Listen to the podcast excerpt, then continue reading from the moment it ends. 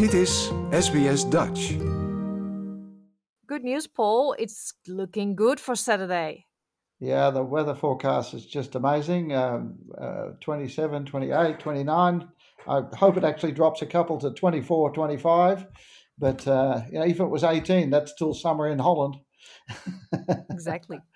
So uh, now expecting a beautiful day. We've got uh, lots of tickets sold already, and uh, what I really loved is that I do, I do the ticketing as well. I keep an eye on it, and ninety percent of the names are Von der What and Von der Dit, and there's just Dutchies are coming out from everywhere. So I'm expecting a well, we are. We're going to have a really Dutch audience, uh, the whole lot. Yeah, Yeah. I could see that because you, I see all the names. Yeah.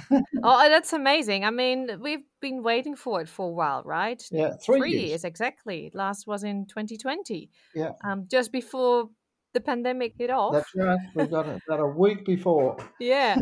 So um, probably everyone is very excited to just come together and enjoy everything Dutch. Yeah. Um, are you having sleepless night, or is everything going smoothly? It's going really smoothly. I, I, have to admit that the four, the three I've run beforehand, I had a lot of sleepless nights, but this time um, I'm sleeping really well. I, you know, lots of work every day, uh, but um, you know, because I've got such a good, t- such a great team behind me, and, and I just trust everything they do, and we're doing it as a team for the third time, so we really know each other and we know what needs to be done, and you know, we've got we've got all the IP on in Dropbox, so we all can just collaborate beautifully. So I really don't feel stressed at all right now, and uh, you know, I suppose the only stress was the possible bad weather, but that's I, in my mind that's gone.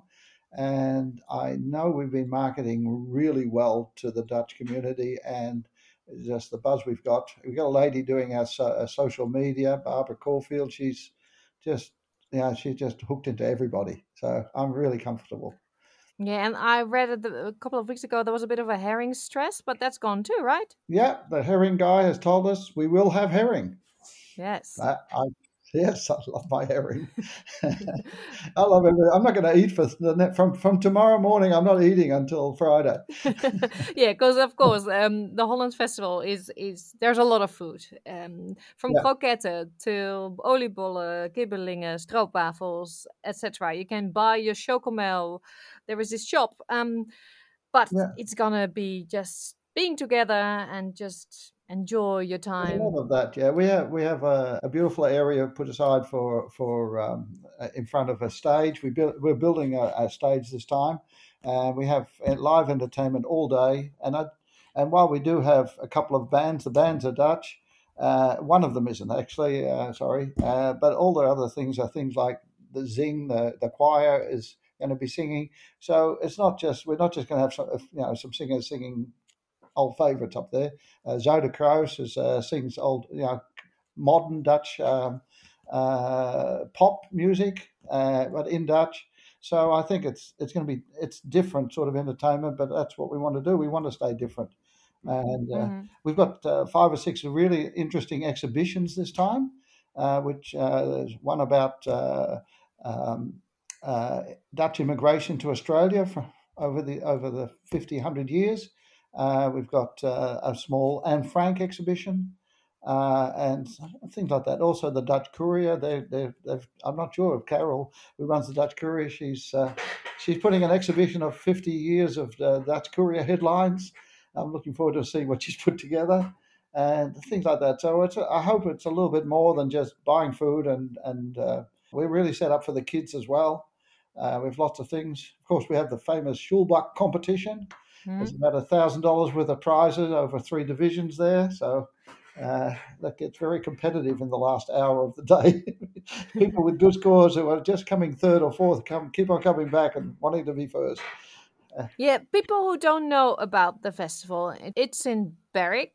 Can you come by public transport or do you have to take the car?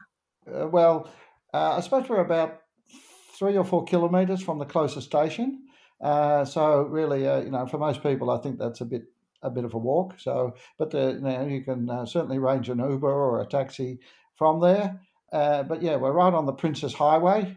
Uh, Berwick is not close to the city. It's it's probably forty five kilometres out, but it's part of the metropolitan Melbourne. And uh, I think we're also like very central to where Dutch immigration was in the 1960s and 70s. So there's a lot, you know, and our market is it's the second and third, and even now the fourth generation of Dutchies who just want to keep keep connected, and and that's our market now. You know, uh, most of the Omas and Opas have passed away. Uh, but those next generation, they they all feel Dutch. Uh, they, they yeah they stick with their heritage, and uh, most of them just love the Dutch food, and, and I do too. We're even having a couple of snoepwinkels this time, you know, like setting them up with puntzakken. Zelf scheppen? yeah. Ah. Oh, and something you mentioned last time when we uh, Yeah. had a chat, uh, of course, the kroketten uit de muur.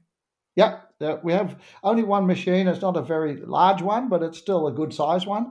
They will have that loaded up all the time with uh, croquette and I think also frikandel. Yeah, amazing. Well, we will see each other on Saturday. I'll be there with my microphone and I'm gonna follow you around. okay. People can hear that next week. Okay. Well, I'll introduce you to some very interesting people too. Great. Well, good luck with the last bits and pieces. Thank you very much. Thank you. Like, deel, geef je reactie. Volg SBS Dutch op Facebook.